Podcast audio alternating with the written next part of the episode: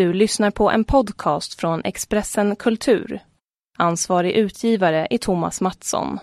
Fler poddar hittar du på expressen.se podcast och på iTunes.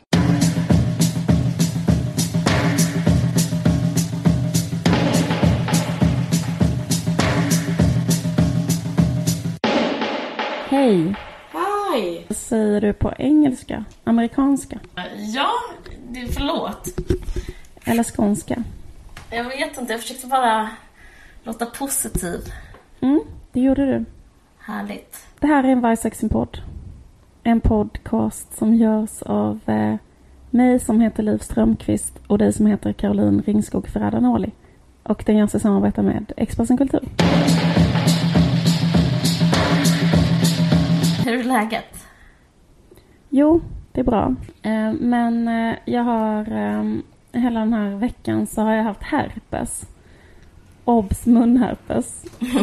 Mm, jag eh, är ju en människa som eh, lever med munherpes. Okej. Det är ju eh, rätt så, en rätt så vanlig, en vanlig sjukdom. Men det är inte så att man pratar om det. Så Nej, jag tänkte att jag skulle bli så här ansiktet utåt för munherpes. okej. Fan. Att jag så här, skulle så komma ut som den man tänker på. Jag är herpes. Exakt. Obs munherpes. Okej, men Exakt. Jag är herpes, obs munherpes. jag fattar. Inget fel. Jag har kön, könsherpes. Det kan aldrig kan hända de allra bästa. Men eh, jag har inte det som tur är.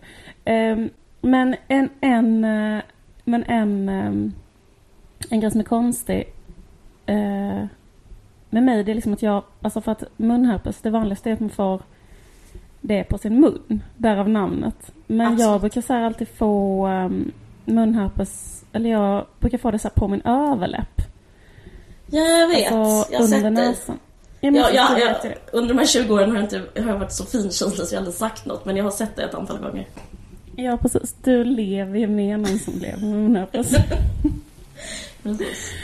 Så det är så här, det ser, alltså det positiva med att ha munherpes på sin läpp, det är ju att eh, det är så uppenbart vad det är. Det är så här, ja men du har munherpes, det är så här, det är lite äckligt men det är liksom ändå, jag vet det här, det här vet jag vad det är liksom. Ja, Eller som jag brukar ha så här herpes på min överläpp, Ja.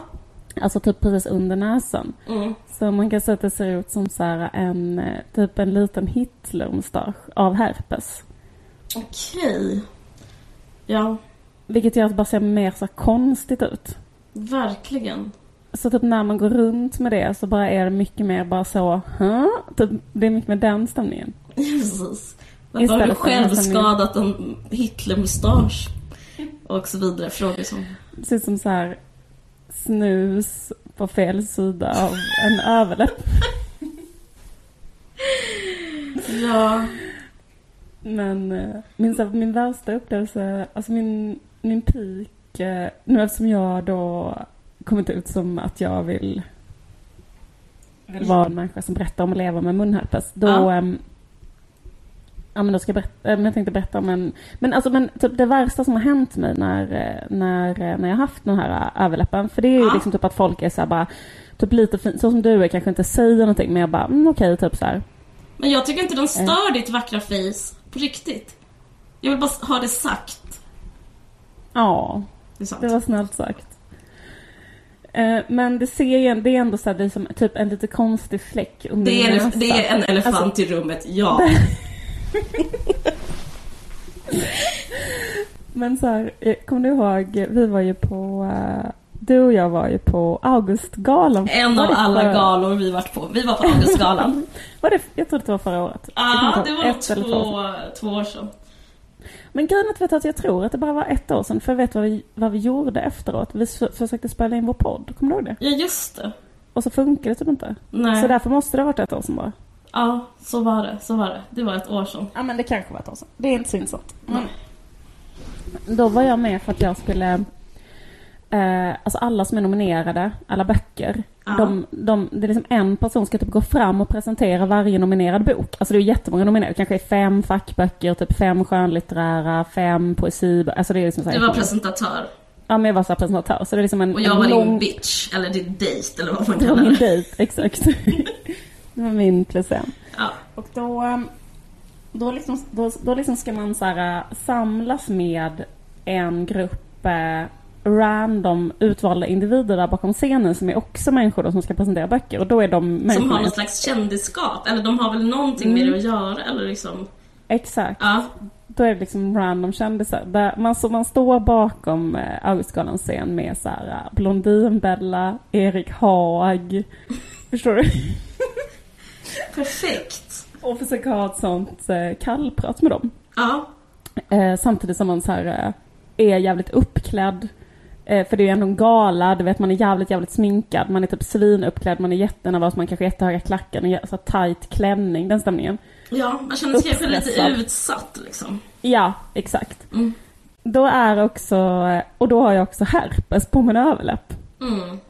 Eh, och, eh, och liksom eh, då står jag bredvid så här eh, storviltjägaren Natasha Illenberg. Men hon känner till storviltjägaren Natasha Illenberg. Jag gör det för att det var en stor artikel något, för några år sedan i Filter. Hon, Mm. Fast jag tror typ inte hon blev granskad, det är flummigt. Jag tror typ att det stod om hennes härliga liv som i Afrika, är hon bara sköt djur typ. Det är så jävla konstigt för filter är så att typ, ska alltid så här, Granska inte henne, varför ska vi granska henne? de är typ så här skitsjuka mot alla de intervjuar utom så här Natasha Illenberg, är bara så här, vad kan man säga om att hon bor i Afrika och skjuter så lejon varje dag? Sen när, Inget att säga sen när det ett brott att det var en vit person som... Ja, skitsamma. Ja, absolut. Nej men det var, det är på- det var typ hon är så här, alltså typ hon är ju så här också, förutom att hon där um, bor i Afrika och skjuter uh, utrotnings... Nej hon skjuter, hon kan ju inte skjuta... Hon ska inte vara älskad det sättet hon vi är. har Om inte det är källa på om hon, har ut, om hon skjuter utrotningshotade. så Vi, vi, vi låter det vara. Vi låter det vara. Okej, vi har ingen källa på om hon själv har utrotat en art.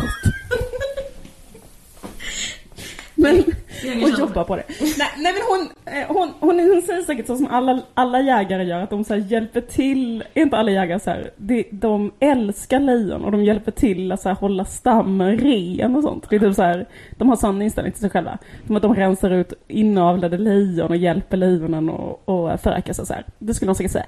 Men också en, en annan grej med henne, det är som att hon är ehm, Usch, det är så Eh. ofräsch inspiration att åka till Afrika och vara så intresserad av så här, ra, djurraser. Alltså bara, ah, ja, skitsamma, fortsätt. Ja. jag, ja, men hon... Eh, men jag tror så att alla... Jag tror att den, den allmänna uppfattningen om henne är typ att hon är så världens coolaste människa. För att hon är så här en ensam kvinna. Ja, Som... Eh, hon är som Diane Fossey fast ond typ. Ja precis. Men Hon är så här som också... Fossey skulle ha varit bland, bott bland djur fast inte så här blivit deras vänner utan så här dödat dem. Ja, ja, ja, ja, jag fattar. Men hon skulle också, typ, om man skulle typ göra en sån här eh, teoretisk test om, om rättvisa förmedling. Hon skulle liksom få alla 10 poäng.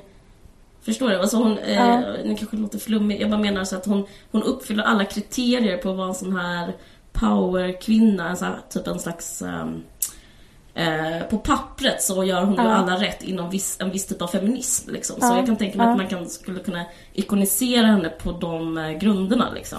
Så här, ja.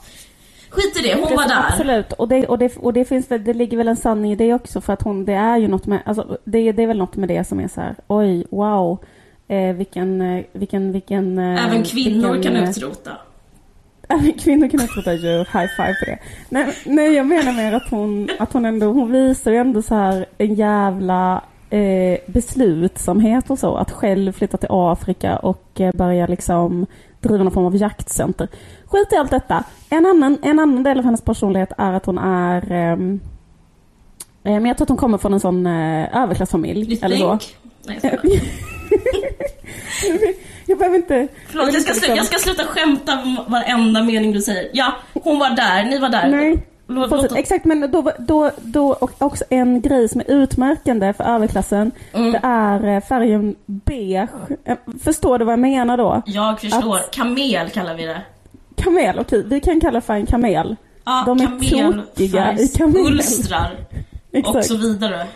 Det är som att allt är beige, alltså typ så här, som, och sen att man är så jävla, jävla, jävla, jävla smal. Och så Ja. typ så här, om, alltså, om man är en kvinna från överklassen så är man först så här, otroligt jävla smalt. Där man Mm. inte har något underhudsfett. Och Nej. sen, man är benig. Sen är man klädd i kame, kamelens färg. Ja, och från topp till tå. ja. Och eh, hon har liksom så här, eh, så som jag minns henne då, så är hon så otroligt, otroligt smal. Och sen otroligt vassa, spetsiga, blanka, kamelfärgade skor. ja. Kamelfärgade, smala, blanka byxor. Kanske en kamelfärgad, blank, konstig, smal. Eh, eller glansig på något sätt. Eh, eller ullig, eller glansig tröja. ja. Och sen jättemycket, alltså otroligt, eh, alltså på ett sätt väldigt, eh, jag vet inte om det är, eh, om det är liksom hennes klassbakgrund som gör att man blir rädd för henne eller om det är att man vet att hon kan döda, ehm, döda, är kapabel att döda en, Men hon ser liksom lite ut som ett vapen i sig själv. Hon är så lång Mm. och spetsig och smal och typ parant på något sätt. Mm. Eh, motsatsen till en så här tjock gumma ungefär. Ja, verkligen. Men det som händer där när vi står där, så här, när jag står bredvid henne så här, i, det där, i det där utrymmet innan vi ska gå upp på scenen och presentera våra böcker. Det är liksom att hon så här, lutar sig framåt mig och bara så här fixerar som en sån hök. Bara fixerar min så här, herpes, em, mitt herpessår som jag då hade under min näsa. Vittra blod. Och tittar på det som en sån um, örn som typ så fixerar en jätteliten punkt långt ner på marken. Och så är hon bara så här, du har någonting där, du har någonting där.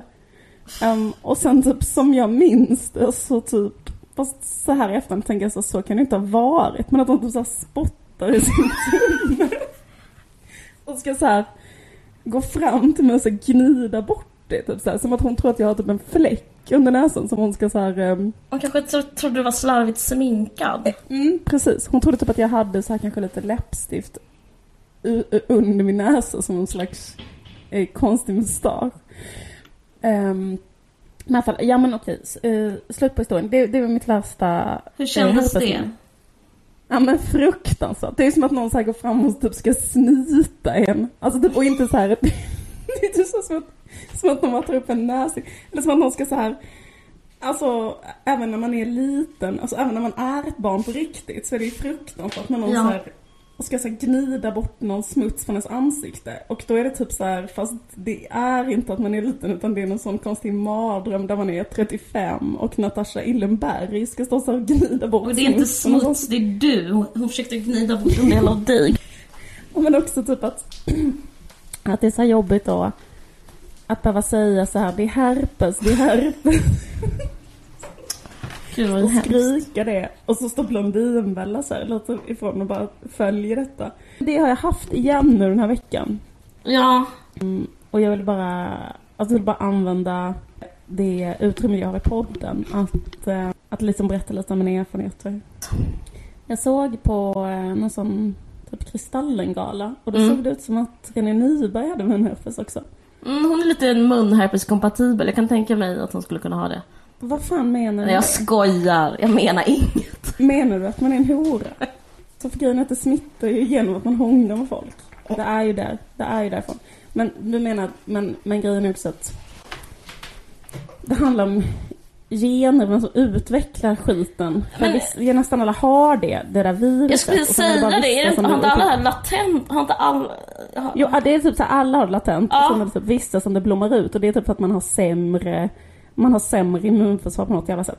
Men grejen är, att ehm, det är därför jag måste prata om att det inte beror på att man är en hora. Jag vet. Men det finns... Ja, nej, men jag ska inte hålla på med... Jag ska inte säga att du är en hora som har det. Och jag, det är viktigt. Jag håller verkligen med.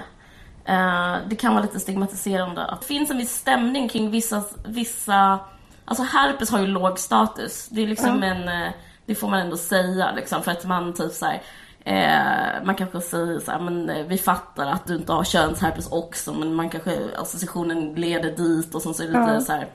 Får jag bara säga en sak ja. om det? Att Ja. jag, vill, jag vill liksom som eh, representant utåt för Ja. munherpes, då kan jag säga så här att om man har munherpes, då har man ett immunförsvarshöjande skydd mot könsherpes. Ah. Så tänk på det nästa gång ni avfärdar någon som har munherpes på krogen. Jo, nej men... Eh, Nej men skit, men skit i det. Skit i det. Berätta det, berätta det du skulle berätta istället. Eh, nej men jag skulle bara säga att eh, jag var, eh, råkade vara på apoteket och då så, apropå att det finns så här en viss, eh, eh, att man kategoriserar sjukdomar, att man lägger in, värderar liksom olika eh, saker, liksom okej munherpes har låg status, men vet du vad som mer har låg status? Nej. Eh, det är att vara eh, tjej och eh, ligga med någon. Alltså typ, Ja. eh, eh, det finns en sån, jag upplever att samhället ser ner på horor typ.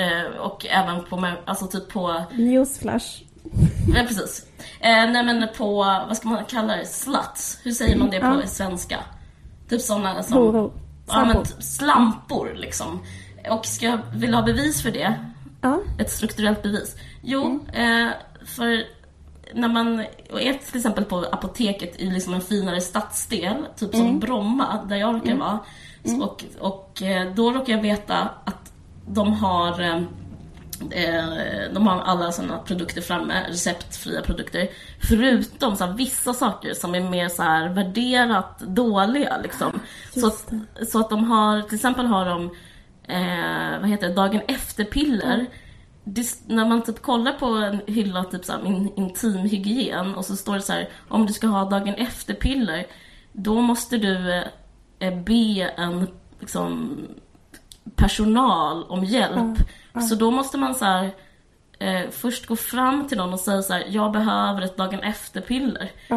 Eh, och så, när, så märkte jag det när jag var där på apoteket i Bromma. Som, Grejen är så att det måste vara lite olika på olika apotek. För Ja, det men det är ju varit det. en USP, alltså för nu när det är så här privata apotek Ja. och de behöver konkurrera så det har verkligen varit så här en konkurrensfördel för ett apotek att sluta ha sån konstigt slut-shaming. men det är så otroligt slutshamande. Men får jag säga en sak? Ja. För att jag upplever, för jag upplever att det var så för Ja. typ så här tio år sedan. Ja. Att man var tvungen att gå och fråga Ja. en innehavare och då fick man typ följa med så här bakom eller typ de skulle gå och hämta det på ett farligt sätt.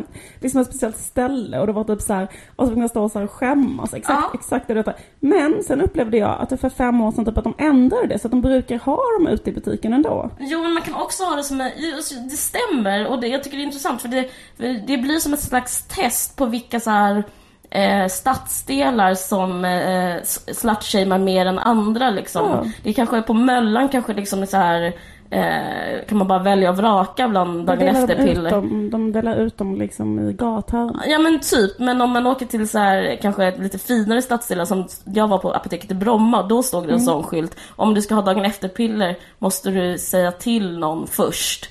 Och så blev jag så lax, jag, jag typ tog mitt samhälleliga ansvar och frågade, eh, så kom Ja. jag till kassan jag bara, får jag bara fråga en sak kära ni? Kommer säga att just dagen efter-piller, varför måste man säga att man behöver det och få det av en kassörska eller av en apotekare? Och då, bara, då hade de typ inget svar. Då sa de så här, jo men du vet hur det är, de försvinner.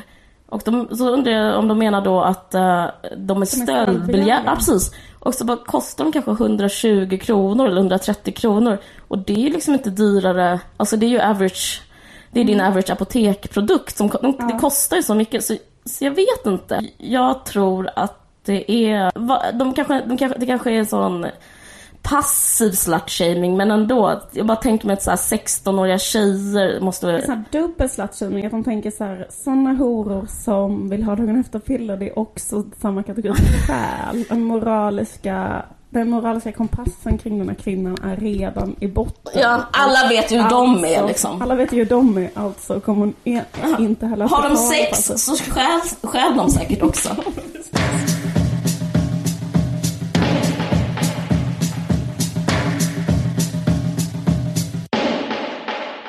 Ja, det om det. Men, eh, mm. Annars? Eh, jo, eh, jag kan berätta att jag jobbar på ett kontor långt från konst. Det är mitt, på mitt kontor så håller de på med infotainment. Um, vet du det? Ja, Ja men det, de, infotainment. eh, ja det är det, det, det, det är det man tänker på när man tänker på dig. Precis. Skojar bara. Nej, nej, men, Nej men det är det man tänker på när man tänker på mig faktiskt. Jag är ju infotainment. Är du infotainer? Är, är inte det en infotainer lite grann? Eh, I mina serier? Lite. jag hade hoppats på att du var konstnär. Jag, Ja, jag, men, vad glad jag blir. jag tycker du är det. Eh, nej men jag jobbar på ett kontor med, in, eh, som håller på med infotainment och det är faktiskt lite utmanande för att det är svårt att spegla sig i infotainers. Alltså det är, det är typ... eh, Vad ska man säga? De mår för bra liksom på något sätt. Mm, beskriv, vad är det? Är det Fredrik Lindström? Det är Fredrik Lindström. Jag ska berätta en fun fact om Fredrik Lindström. Jag får reda på så massa saker. Jag vet inte om jag får prata vidare i podden men jag tänker att det är så bra att folk vill höra sånt här om Fredrik Lindström. Han, varje år har han en julfest. Vet du vad temat är? Nej. Frågesport. Sjukt! Förstår du att han är som domare? Att typ att vara, att, jag tycker det är så, säg, att Schyffert köper Eh, Porsche. Han har typ ledigt en vecka från På spåret och då arrangerar han ett eget På spåret hemma för att han klarar typ inte att inte vara domare en vecka. Ja men typ om han ska må riktigt bra då måste han mästra en grupp kändisar. Typ. Det är väl hans, alltså det, det, det, det är fest för honom. Det tycker jag lät så vara... Men det, det konstiga med det är att han gör ju redan det liksom alltid. Men då Säger bara det? Det är liksom så sjukt. Det är hans, det är hans, livselixir. hans livsluft. Men, men det kan vara att jag förvansk källa på det. Jag har en källa på det men jag kan ha glömt. eh, De, Men samtidigt så är det inte så jävla juicy ändå för liksom det är också så det här, kan vara att helt- hade en lekkväll också. Det, men, eh, det, Jo men liksom, det är inte heller så världens mest eh, liksom jag det komprometterande information. personlighet. Att typ så här, jag tycker det är liksom så, man har ju problem om man inte kan låta bli att döma i eh, faktadöma en dag. En vecka. Ja, men å andra sidan liksom skadar det någon? Nej, det gör det inte. Eh, är det skadligt för hans egen hälsa? Nej. Också. Ehm, Men en annan jag- Mm. sak som jag fått reda på det här infotainmentkontoret. För det, det finns så här jättemycket så här researchers där och det ligger, eh, alltså de håller på och researchar för att infotainment är ju kul, det är kul med fakta. Alltså, Mm. har ni tänkt på det här? Och sen så gör man en så här kul grej. Det är, faktiskt, det är en mysig genre. Det är liksom så här S, public service 2.0. Historieätarna och det där. Jag har aldrig sett Historieätarna men alla älskar ju det. Hur som helst så... det är så jävla kul. Har du aldrig sett Nej, det? jag har inte gjort det. Jag har ju varit med. Jag vet. Jag Har du inte sett när jag var med? Nej, har Nej för det har inte sänts. Ja men okej, det har faktiskt inte sänts än. Så det, det, då, Det har inte sänts än, det ska sändas. Okej, nu, nu låter det helt sjukt. Men jag vet faktiskt. Jo men fan det har nog inte sänts. Men det var ju så jävla länge sedan jag spelade in det. Jag fattar inte varför det inte har sänts än. Spelades alltihopa in i höstas? Förlåt, du, vet, du måste veta detta för du Ja, jobbar det på kontor. ja precis. Eh, nej men jag vet inte. Nej, Det jag, spelas in i höstas och ska sändas i år, så måste det vara. ja, så måste det vara. Ja, men då kommer, det vara, då kommer det att komma. Jag var med den tidiga 1900-talet. Men det, det kommer bli jättekul. Ja, men så Ja, vad ska jag säga. nej men det vad ska jag säga att det är väldigt mycket så här. Det är väldigt koncentrerat av så här roliga fakta. Alltså på massa, alltså helt Ja. fysiskt är det koncentrerat. Alltså det, det ligger så här travar med artiklar och böcker.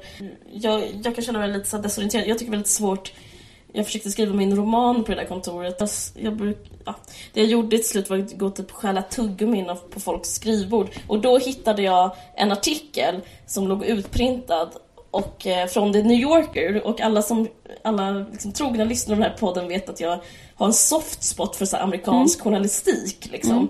Så eh, då, det var riktigt juicy för mig. Liksom. Eh, och då stod det att brainstorming är en myt.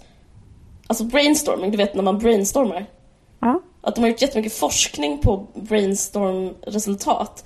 Aha. Och det finns inga som helst bevis eller belägg för att det skulle vara bra att sitta i en, ett rum tillsammans, typ eh, sju stycken reklamare och ehm, det finns inga fel i brainstorming och sådana saker man säger och bollen är rund och eh, högt i tak. Det händer ingenting, det blir inte bättre. Ja, det blir aldrig bra resultat. Det som ger bra resultat är när folk får gå hem Jaha. och tänka och sen komma tillbaka och presentera sina idéer. Och jag blev så himla lycklig när jag läste det här för att jag, eh, jag känner mig så fuckad av typ så här en viss typ av företagskultur. Det är så jobbigt med brainstorming. Och det är också typ när man, folk som använder substantivet tänk, brainstormar lite, får fram ett skönt tänk. Allt det där är bara det låter nonsens. otroligt Caroline. Alltså varför skulle det, för jag måste säga så här, om man sitter, om man typ ska komma på eh, vad heter det, alltså komma på, exempelvis jag har jobbat med på radio, då, då gör man alltid brainstorming. Ja. Eh, på morgonen, man ska Ja. sända programmet klockan fem, kanske på eftermiddagen. Ja. Och sen så på morgonen klockan nio så har man ett möte där man liksom sitter och pratar alla i munnen på varandra typ om vad programmet ska handla om. Så gör man det en timme. Sen efter det går, a- jobbar alla separat i sex timmar. Mm. Och sen, sen sänder man det liksom. Men, enligt den här artikeln, det handlar om att där och då, de tankarna som föds där och då, de associerade tankarna blir bättre eller om ni själva tänkt först. Det är så jättemycket så här grupppsykologi som går in i brainstorming-mekanismer. Alltså det kanske en person är det bra för, liksom, men det är jättemycket så att man ska tillfredsställa varandra, man ska försöka ref- reflektera varandra, man ska så här, passa in, man ska inte säga fel. Typ, kanske sitter en jättesmart människa där som inte får komma fram på grund av att hon känner sig eh, tjock, typ. Och, Jag förstår. eh, Men är det, men, men är det liksom, för, men det som jag vänder mig mot det, då låter det som att allting är bättre om man bara tänker själv. Nej, så för- kan det inte vara. Nej, så är det inte. Sen, man ska tänka ut själv och liksom forma en självständig tanke och sen komma tillbaka till en grupp. Och jag tänker på det här för att eh, om man, jag ser Mad Men nu också. Ja. Den som kom på brainstorming, det var på 40-talet. En person som eh, jobbade på ett eh, reklamföretag på Madison Avenue Precis som det som Mad Men handlar om. Då skrev han så här om, kreativa processer. Och då så kom han på brainstorming och då blev det bara liksom svepte världen över. Och det är så himla så här attraktiv modell. Och det är inte förrän nu så här, de har gjort så här universitet har forskat på om det funkar eller inte. Typ så här human resources skit. I alla fall. Eh, men när man ser på Mad Men. Så, du har ju också sett Mad Men, du vet hur det är. Det är en ny säsong nu. Då är det att Don Draper som är stjärnan och geniet. Han är ju ingen brainstormare. Eller hur? Nej. Nej, alltså idén om ett geni går stick i stäv med brainstorming. Don Draper är ute och super och typ är otrogen och sen så kanske han går förbi en, eh, tittar in på ett litet hak. Då får han en minnesbild från sin barndom. Eh, Typ så vaknar han i ett rus nästa dag och så har han en idé till Lucky Strike. Ja. Och sen säger han det. Det här är idén. Alltså, och, det tycker jag känns mycket mer trovärdigt än att han skulle sitta där och typ...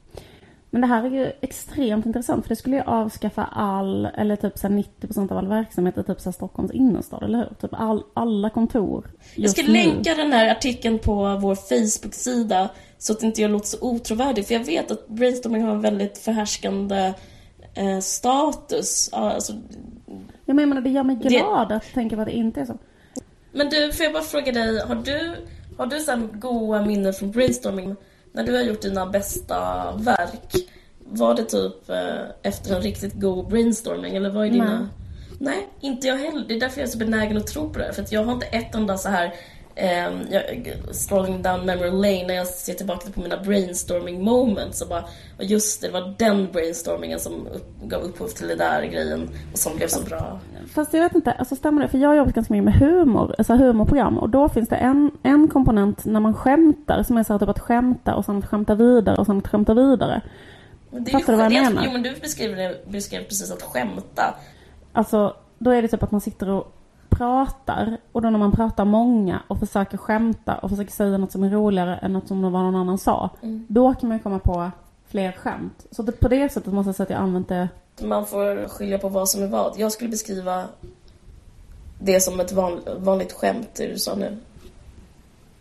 Det är så, det är så folk, så skämtar ju du och jag också när vi pratar. Ja men precis. Men jag En liksom, associationsskämt och sådär. Jag tror brainstorming är det här att man typ eh, What if? Typ, tänk utanför boxen. Om vi skulle göra så här istället. Och, och du vet så. Typ en sån här writers room som finns när man gör, gör typ så talkshows och så. Där är ju alltid den som har högst status som får sina skämt igenom. De som är så här längst ner statusordningen kan ju jobba ett år på typ en sån tv-station utan att få ett skämt jag bara menar att det är liksom... Nej, skit, glöm det. Absolut, att det är jätteberoende av eh, Ja, jag, status. psykologin mellan människor liksom Ja. och sådär.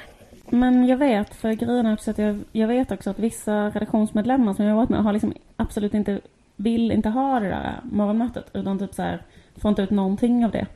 Det har jag faktiskt också varit med om. Alltså typ tycker jag bara att det är så här, att sitta igenom en timmes total meningslöshet. Mm.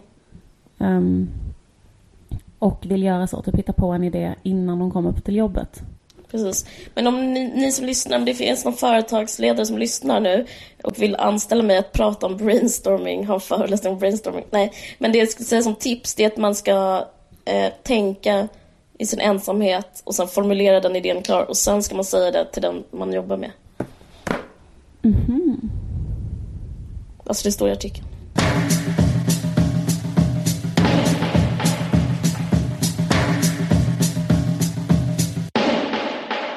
Robin, Ja, just det, precis. vad, vad är dina känslor? Ehm, nej men jag vet inte, men jag tänkte så här mycket på det där när man, alltså när man är typ en jättestor eh, etablerad, alltså man är en etablerad artist som har liksom jätte, jätte, vad ska man säga? Ska man kalla det för personligt varumärke eller någonting? Man har byggt upp någonting som handlar om Ja men typ integritet eller musikalitet, alltså någonting liksom så. Mm. Och sen så när man gör reklam, att det kan bli så väldigt, eh, det kan bli väldigt, det kan ju bli väldigt svårt. Alltså jag tänker så här på, eller jag, jag, ehm, jag tycker att den här reklamen påminner mig om eh, Dogges reklam för Elgiganten. Mm. Det är ju liksom motsvarigheten kan man säga. Ehm, Den kanske Alltså, jag, jag upplever att han har fått mer kritik än vad hon har fått. Att han har fått mer kritik? Ja. Ja, ja men det kanske han har. Är det på grund av rasism? Eh, Jag tror det är på grund av, eh, av klassamhället. Ja. Och att man typ kräver en autenticitet från honom, att han ska vara real, att han ska vara från orten. Eller jag vet inte, jag tänkte att när, när Dogge gjorde den så var det som att Mm. han inte hade särskilt eh, mycket en karriär kanske. Eller liksom inte hade haft på några år. eh, Mm. Kanske inte sålt så jättemycket skivor och så. Och att han eh, ändå är typ någon form av ensamstående pappa och bla bla. Jag, jag, jag, Ja, det var det som det var grejen. Att, Att han ändå blir försörjd av dem liksom. Precis, att han sa någonting om att så här, cred betalar inte mina blöjor, eller så mina barns. Ja men precis, What? Mina där. barns blöjor, såklart. Förlåt Dogge. Mina egna. Jag menar inte, jag menar inte att se honom som komplett retard. Men Jättemycket kritik för att han sa. Alltså sen blev så hånad för att han sa så här. Men jag skulle säga att jag har förstört hans varumärke. Alltså den här grejen så här att man pratar om hur mycket man har råd att eh, tänja på sitt eget varumärkes gränser innan den, eh, man kommer till ett krön där allting bara går till helvete. Han är väl uträknad, det är väl ingen som tar honom på allvar längre efter det här Nej, men elgiganten. gjorde man det innan? Gjorde man det innan? Ja, För det det var- är så att det han liksom det- alltid på ett sätt liksom haft, alltså på ett sätt har han haft någon, han har haft någon form av själv, men han har också haft en form av pajasroll för att Alltså många av hans låtar och, och sådär innan också har ju varit så här, alltså han har väl varit betraktad som en så här Alltså han har ju någon sån clowngrej Både gående och, också. både och. Jag skulle ändå säga att han har någon slags ortgrej. Liksom att han typ Mm. pratade om hur det var i Rinkeby och att det behövdes och det fanns något så här viktigt en gång i tiden. I alla fall så här eh, utifrån eller uppifrån har man väl sett det som någon slags representation för... Ja men en precis. Men nu har han ju också gjort någon slags statement för han vet att han fick någon slags pris nu. Eller Latin Kings fick ett slags pris. Ja, På, eh, och de skulle komma typ till ABBA-museet och ta emot det. Ja, och då så vägrade han eh, göra det för att han eh, tyckte typ att det ligger så här, eh, det kostade typ 400 spänn att komma in. Och eh, till, den, till den, de spe, den spelningen och det ligger mitt i stan och bla bla. Han hade ett case kring att så här, ungdomar och deras lyssnar, deras fanbase liksom mm. Inte kan komma in dit och betala den typen av pengar och så. Så att därför bojkottade han hela det hela den grejen på grund av liksom ideologiska skäl då ju. Mm. Ja, men, men, men en grej, om jag skulle jämföra deras reklamer på andra sätt liksom så så eh, jag tycker att att en grej är alltså själva texten, alltså vad man säger i reklamen. Mm. Då tycker jag att um, Elgiganten-reklamen är bättre. Alltså texten, det de säger är bättre. Jag ska bara läsa högt vad hon säger i Volvo-reklamen. Hon säger så här. På svenska. Hon pratar Hur svenska. känner du dig eh, som en liten fis i världsrymden? Så känner jag mig ofta älskling. Alltså hon pratar med en kompis i telefon. Hon pratar inte med sin kille då? Det är hennes kille som har gjort reklamen. Ja, nej hon pratar faktiskt med en tjejröst. Förutom så här uttrycket en fis i världsrymden. Mm. Vad är dina känslor inför det? Nej men jag tycker Alltså, det är smärtsamt. Jag tycker det är smärtsamt att hon säger så. Det är så fruktansvärt fult språk att säga så. Jag vet inte, fast jag tycker att det är valet också, det där en fis, just valet ordval, det språkliga valet av meningen, den, den, den är på ett sätt beskrivande för Volvo. Alltså om vi nu ska prata om, jag vet inte om det har något att göra med Ja, alltså miljön eller förorening eller utsläpp för att liksom Volvo är ju en slags fys. Det är sant! eller liksom Det är en förorening i världsrymden. Privatbilismen på planeten jorden är ju en väldigt stor förorening. Alltså privatbilismen är ju Ja. typ anledningen till att eh, eh, alltså en extremt, extremt, extremt stor eh, eller ett extremt stort så här, eh, eh, del av eh, miljöproblemen. Och då, Mm. Så att man ska säga att man menar så här, hur känner du dig som Volvo om du tänker att du är Volvo? Eller jag vet inte. Skit i det. Men en annan del av, eh, en annan del är så här. Eh, eh, vi måste jobba, men vi måste också få dansa. Den slutar så här. Jag bara tänkte, eh, man kan Ja. bara ur, ur ett slags så här litterärt perspektiv, den här textraden. Vad ska man göra? Ska man välja att se världen eller ska man ha den kvar? Vill man ens ha den kvar om man inte har sett den? Mm. Det är jättesvårt att förstå. Alltså typ så här. För, för det första så funderar jag på att sätta de här två grejerna mot varandra. Ska man välja att se världen eller ska man ha den kvar? Varför är det, varför finns det en motsättning mellan det? Att se världen och ha den kvar? Nej men alltså det är bara, det är bara Och sen- goja väl? Eller Och sen, och sen fortsätter det så här. Vill man ens ha den kvar om man inte har sett den? Betyder ingenting. Får, får du ut något av det? Nej, nej, jag fattar inte, jag fattar inte vad det betyder. Det är det jag funderar på. Liksom så här, eller jag förstår inte vad som är innebörden. För att är innebörden eh, att man ska köpa en... Alltså innebörden är att man ska köpa en Volvo. Jag bara menar liksom att jag fattar Alltså hon inte försöker vad så hon här på, på ett poetiskt sätt vara miljömedveten. Alltså hon försöker så här em, att ha den kvar i typ så här hållbar utveckling. Det måste vara det hon menar. Jo, precis. Men då, men då menar liksom att... ehm, att, så här, att köra omkring i en Volvo typ, som är Mm. miljövänlig. Okej, då ser man bara... Men jag tänkte så här, för en grej med henne, det är som att hon ändå är känd för att vara en väldigt bra textförfattare. Och jag vet att hon har skrivit den här texten själv. Jag fattar inte om hon har skrivit en så keff text. Men det... Men jag tror att det faktiskt har att göra med någon så enkel grej. att Det finns ju ett filter på all populär eh, kultur som är liksom, som är ett så här, man kan romantisera någonting. Som barn höll man ju själv på som man sjöng något på engelska och allt blev magiskt typ och så kanske egentligen man inte sagt någonting. Jag tycker att hon är bra te- textförfattare. Ja, jag blir, jag blir så väldigt så berörd när hon sjunger om att hon är på en klubb och dansar själv. Verkligen. Det är så starka bilder men, men jag, det, hemligheten är kanske så enkel att hon, hon kanske, det kanske bara är coolt för att det är på engelska. Alltså det kanske är den gamla föreställningen om att allt, på, allt i USA och allt som är på engelska är coolt. För att eh, när hon är, blir så svensk poet så är det, det är så smärtsamt. Alltså jag såg faktiskt eh, alltså, att det var så en engelsk textning på den här uh, Volvo-reklamen. Och då översatte de Fis i världsrymden med eh, Drop in the ocean. Det, kanske, men det, det tycker jag lät bättre. Mm, precis. Så det är inte så, liksom, jag vet inte vad det är med Fis i världsrymden som är så provocerande fjantigt liksom. En sån, det finns en sån Stefan och Krister underström, eller jag vet inte vad det är. Men, ja. Men, eh, men... Men det är väl eh, också en sån grej så att med en slags eh, to toaletthumor. Jag tycker inte det är god smak med liksom to toaletthumor. det är någon buskis med det. Eh, förstår vad jag menar? Det är liksom att också vara så här existentiell. Alltså jag tycker att det är lugnt att ha så toaletthumor. Nej, tycker du det? Där den hör hemma. Eller för att jag menar, om man gör ett sånt skämt så kan man ju göra ett sånt skämt. För jag tycker det är jobbigt när man så här Jag tycker det är vara- faktiskt dålig humor. Jag skulle inte vilja så här döma ut en form av humor. Så här, ja, liksom, den, den existerar, den, den Men det är väl definitionen på att inte vara raffinerad, att inte vara witty liksom. Ja, men jag tycker Att säga fis och så är fiset skämtet. Jo, fast grejen är att hon platt. använder inte det här, så här på det sättet. Utan jag tänker mer att det hon gör här, det är Ja. liksom, tycker jag nästan är värre. Och det är liksom att man så här lyfter in ett så här lite lustig grej i liksom, och sen försöker man vara pretto på det. Att det blir sån jävla svårsmält blandning. det är inte ens ett skämt, liksom, det kan du känna så här, om hon skulle göra en Nej, men nej, skämtreklam nej, nej, där hon nej, nu var tror jag vet vad det verkligen är. Stefan och Krister och Ja. var typ rolig och pruttade. det skulle vara kul. Och liksom vara så här, Ja, eh, jag är en fis i världsrymden, prutt och sen bara sån eh, eh, raggadish, lite sån alltså, på det. ja, och sen ska hon sån buskis. hoppa och så slå ihop klackarna Och slå i ihop skymningen. klackarna.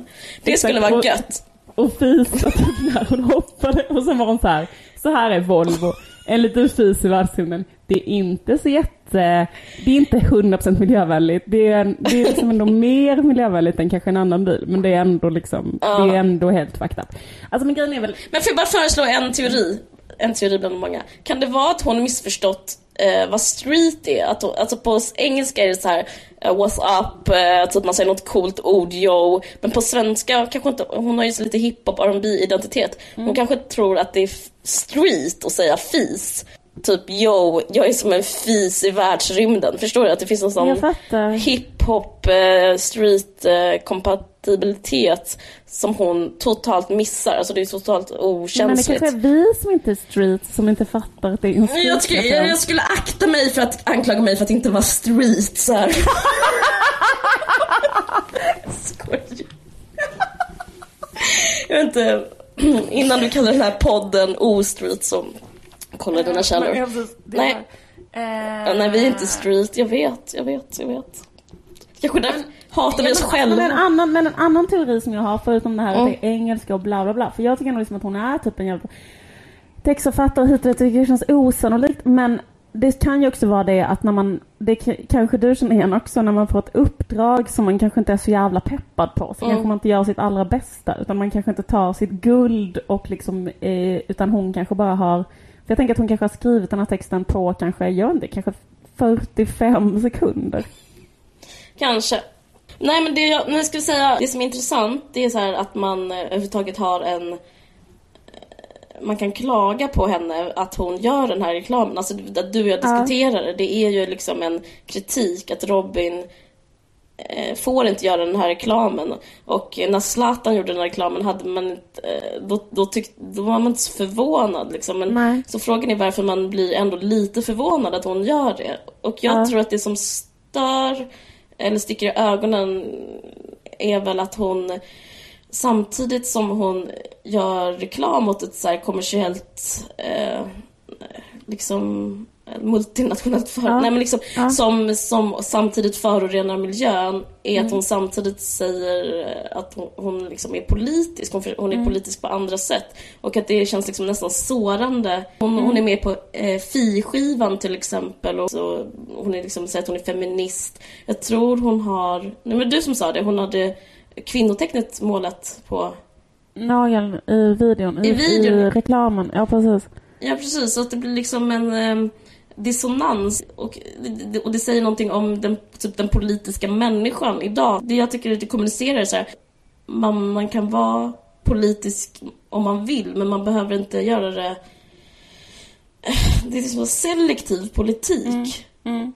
Och det blir som man inte kan tro, det blir otrovärdigt. Det är det jag tycker det känns lite jobbigt faktiskt att eh, hon, hon inte är politisk rakt igenom. Alltså jag tänker att man så kan analysera detta så helt frånkopplat egentligen från så personen Robin, personen Mm. Volvo så här. Men det är ju som du säger att det blir en slags så bild av den politiska människan i vår tid. Att det är så här, Mm. det som det blir en bild av det är hela den här grejen att man helt kan skita i så här, det ekonomiska aspekten av politik. Mm. Alltså typ att så här, att det är liksom helt förenligt att så här, ja men det är ju liksom, det är lite speciellt för man tänker så hur man skulle vilja att samhällets utveckling skulle vara. Mm. Då skulle jag tänka typ så här, en grej jag skulle tycka var så jävla soft.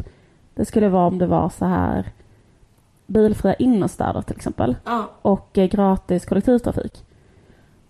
Och jag skulle tycka det var soft att inte ha typ reklam i offentlig miljö. Alltså typ, Exakt. typ så.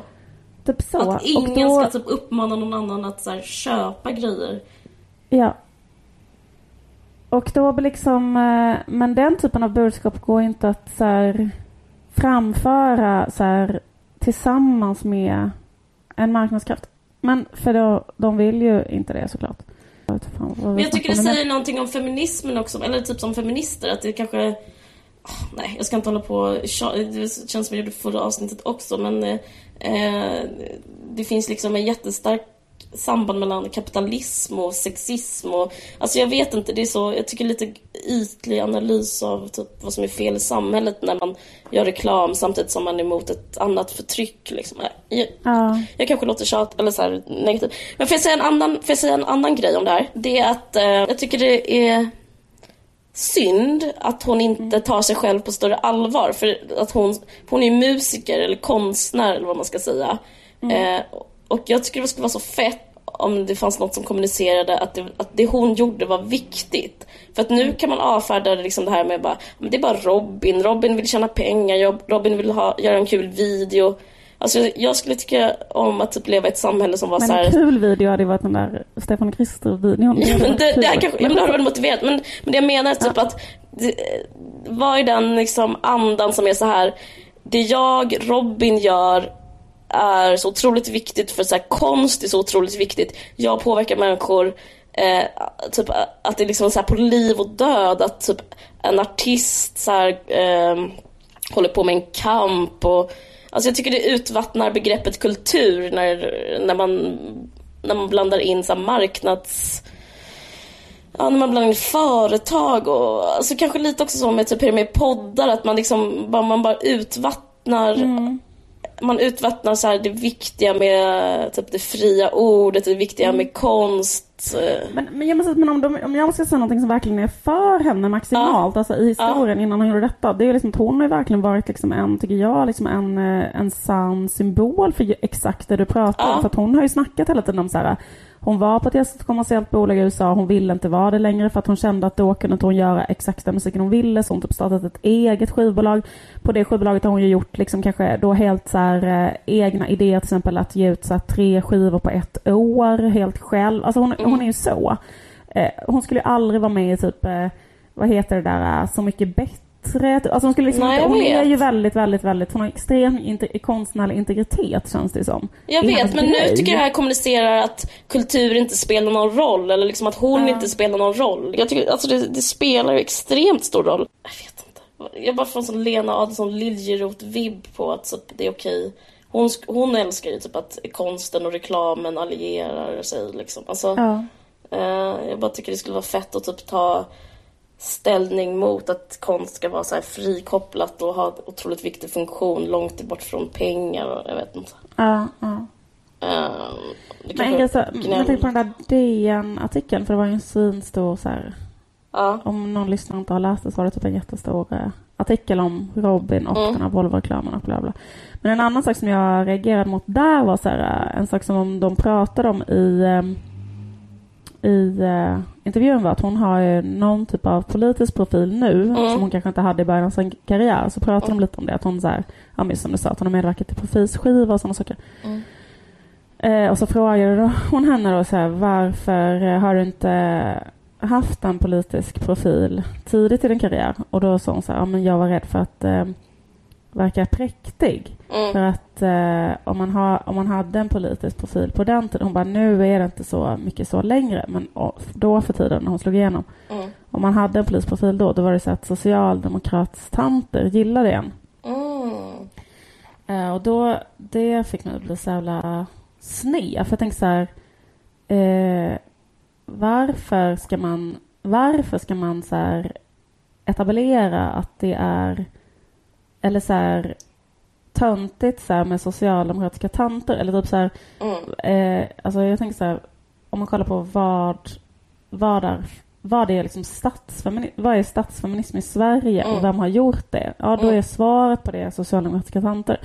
Alltså man behöver inte älska dem, men så här, titta, va, varför finns det dagis liksom? Alltså förstår du vad jag menar? Alltså det är liksom så här, det finns ju någonting som, ska man säga, Socialdemokratiska kvinnoförbundet har drivit. Jag menar kolla, jag, jag kan inte känna annat än extrem respekt för den, den typen av människor som typ har jobbat på ett extremt lågstatus, tråkigt jävla och typ drivit den typen av frågor. Mm. Alltså, tänk...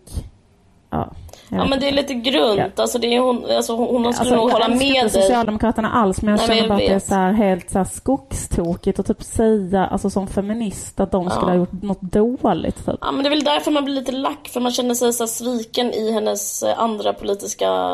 Alltså, men, men jag läste också den, det som slog mig var så att hon pratar jättemycket om sig själv som individ och det är väl kanske, man får acceptera det. Hon bara, men där var, jag gjorde det här för att det var bra för mig.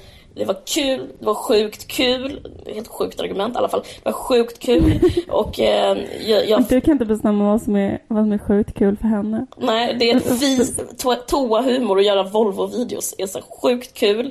Och, eh, men sen så också så, det, jag, det ger mig pengar att göra mer musik. Eh, alltså för, det, kan man också, det är så argument man kan följa, bara, absolut. Men det som man kan säga om de argumenten är att det handlar bara om henne. Alltså det är så väldigt långt ifrån en slags kollektivistiskt tänkande. Och det får man väl bara acceptera. Hon verkar vara en individualistisk feminist liksom. Och att hon ser ingen motsättning. Och att hålla på och göra reklam för Volvo, det är ju bra för henne men det är ju inte, det är inte bra för ett stort kollektiv till exempel. Alltså världen. Förstår du vad jag menar?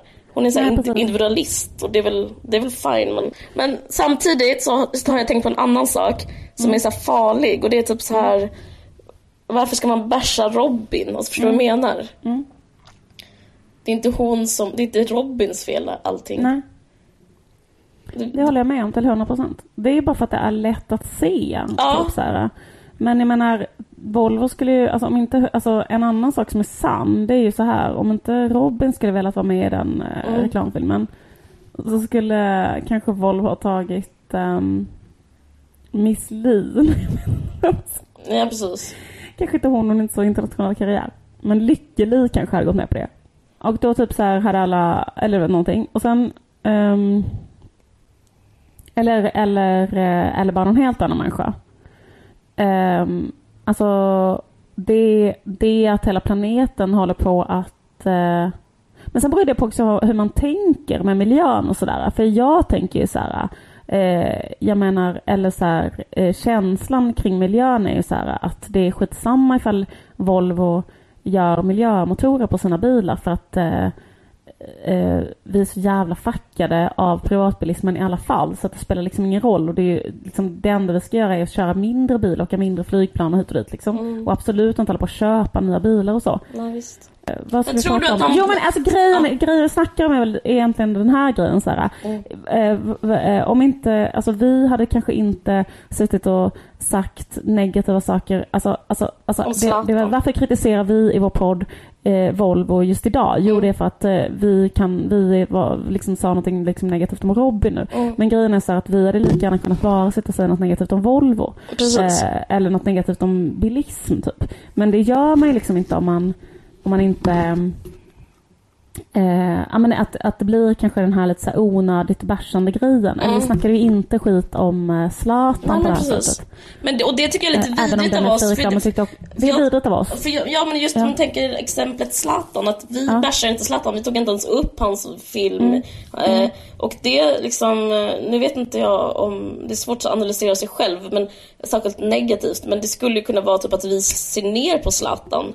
Förstår vad jag menar? Jag pratar om Robin som en slags person som är så feministisk upplysning ja. med på friskivan. Jag trodde mm. mer om dig Robin. Eh, hon har skrivit bra texter. Ja. Men, men så, så bara, det är kanske ännu vidrigare av oss att vara så här Zlatan, den dumme invandraren, han fattar ingenting. Det, här kan man, det, det, var precis vad man kunde vänta sig.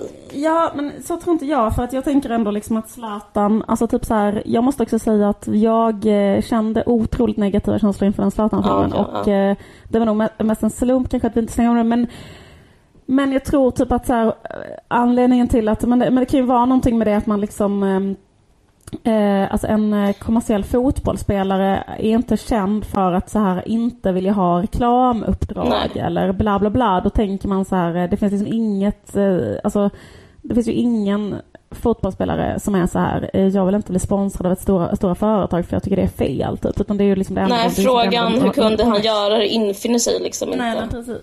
Men jag måste säga att jag, det jag tyckte var, alltså eh, Zlatan-reklamen var så sinnessjuk. Jag har så en grej att säga om det som jag tyckte var så här, nästan, eller jag, jag tänkte en sak om den Zlatan-reklamen och det var så här, för det handlar jättemycket om så här, konstruktionen av manlighet och svenskhet och så, hela den reklamen.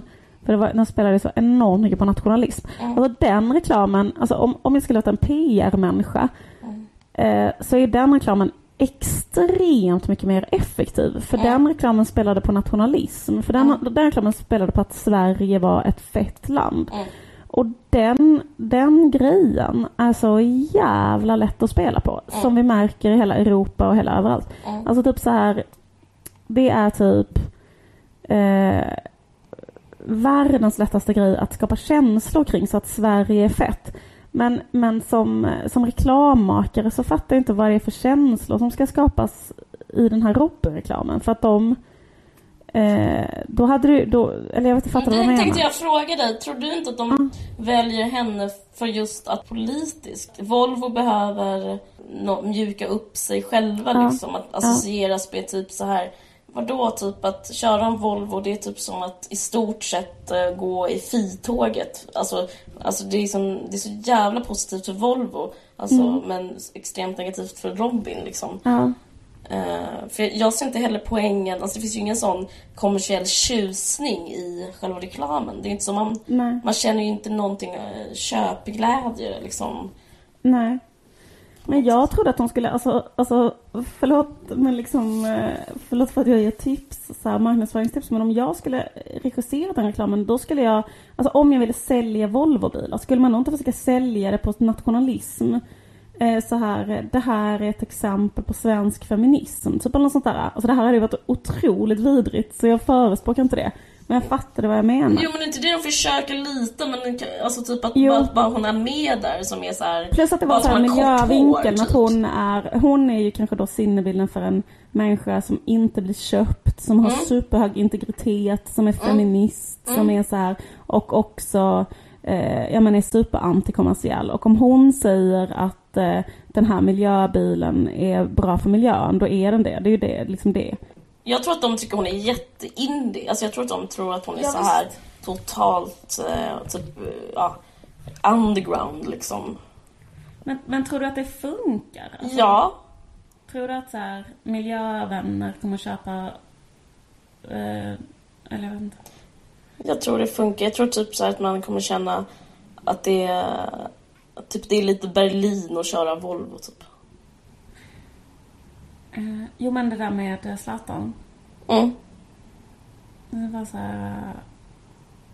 eh, Jag bara tänkte på en sak med koncentrationen av manlighet i den reklamfilmen. För då var det Mm. en sekvens.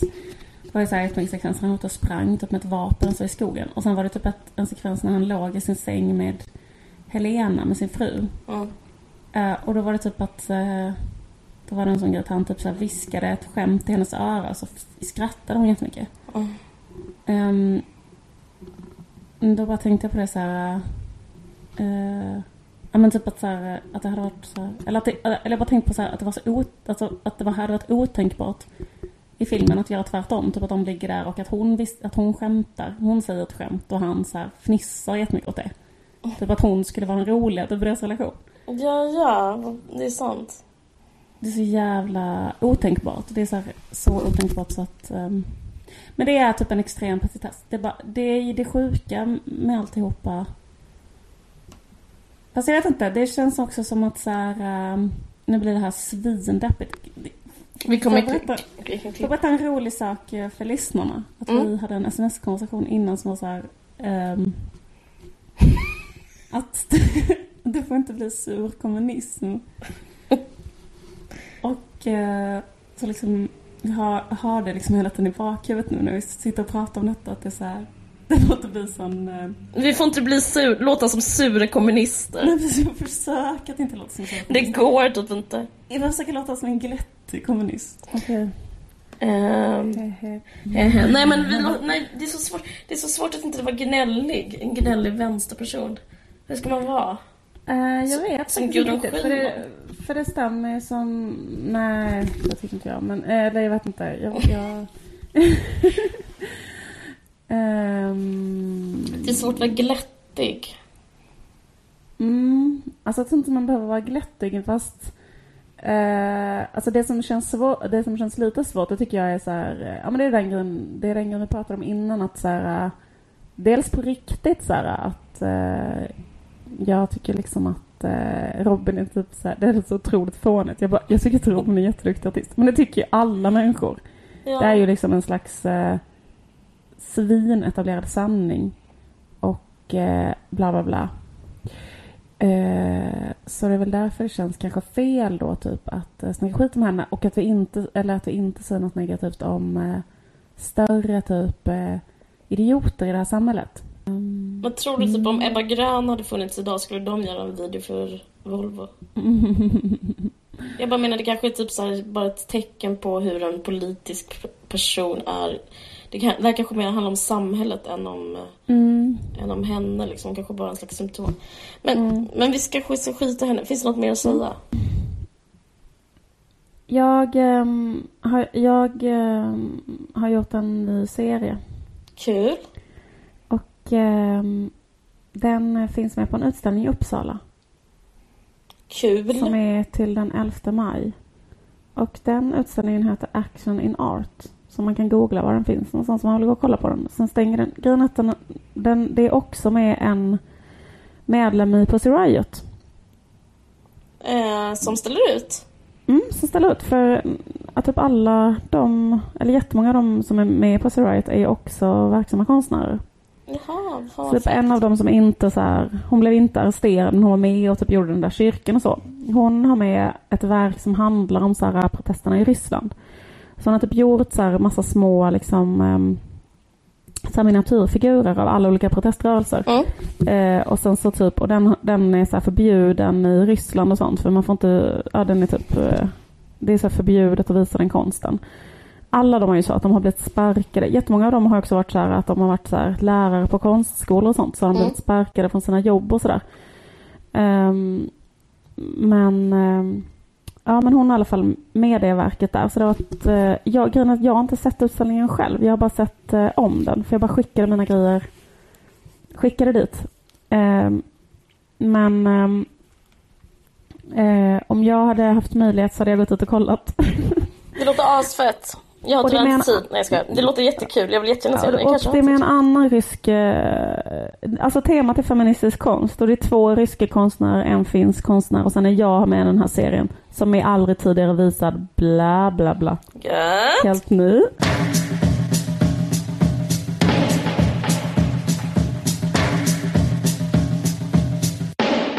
Tack för att ni har lyssnat på en Varje Seximport. Tack för att ni har lyssnat. Um, Programmet görs i samarbete med Expressen Kultur. Ha det bra. Även bokförlaget Naturkultur. Ja. Jag heter Liv Strömqvist. Du heter? Caroline Ringskog Frödanoli. Du har lyssnat på en podcast från Expressen. Ansvarig utgivare är Thomas Mattsson. Fler poddar hittar du på expressen.se podcast och på iTunes.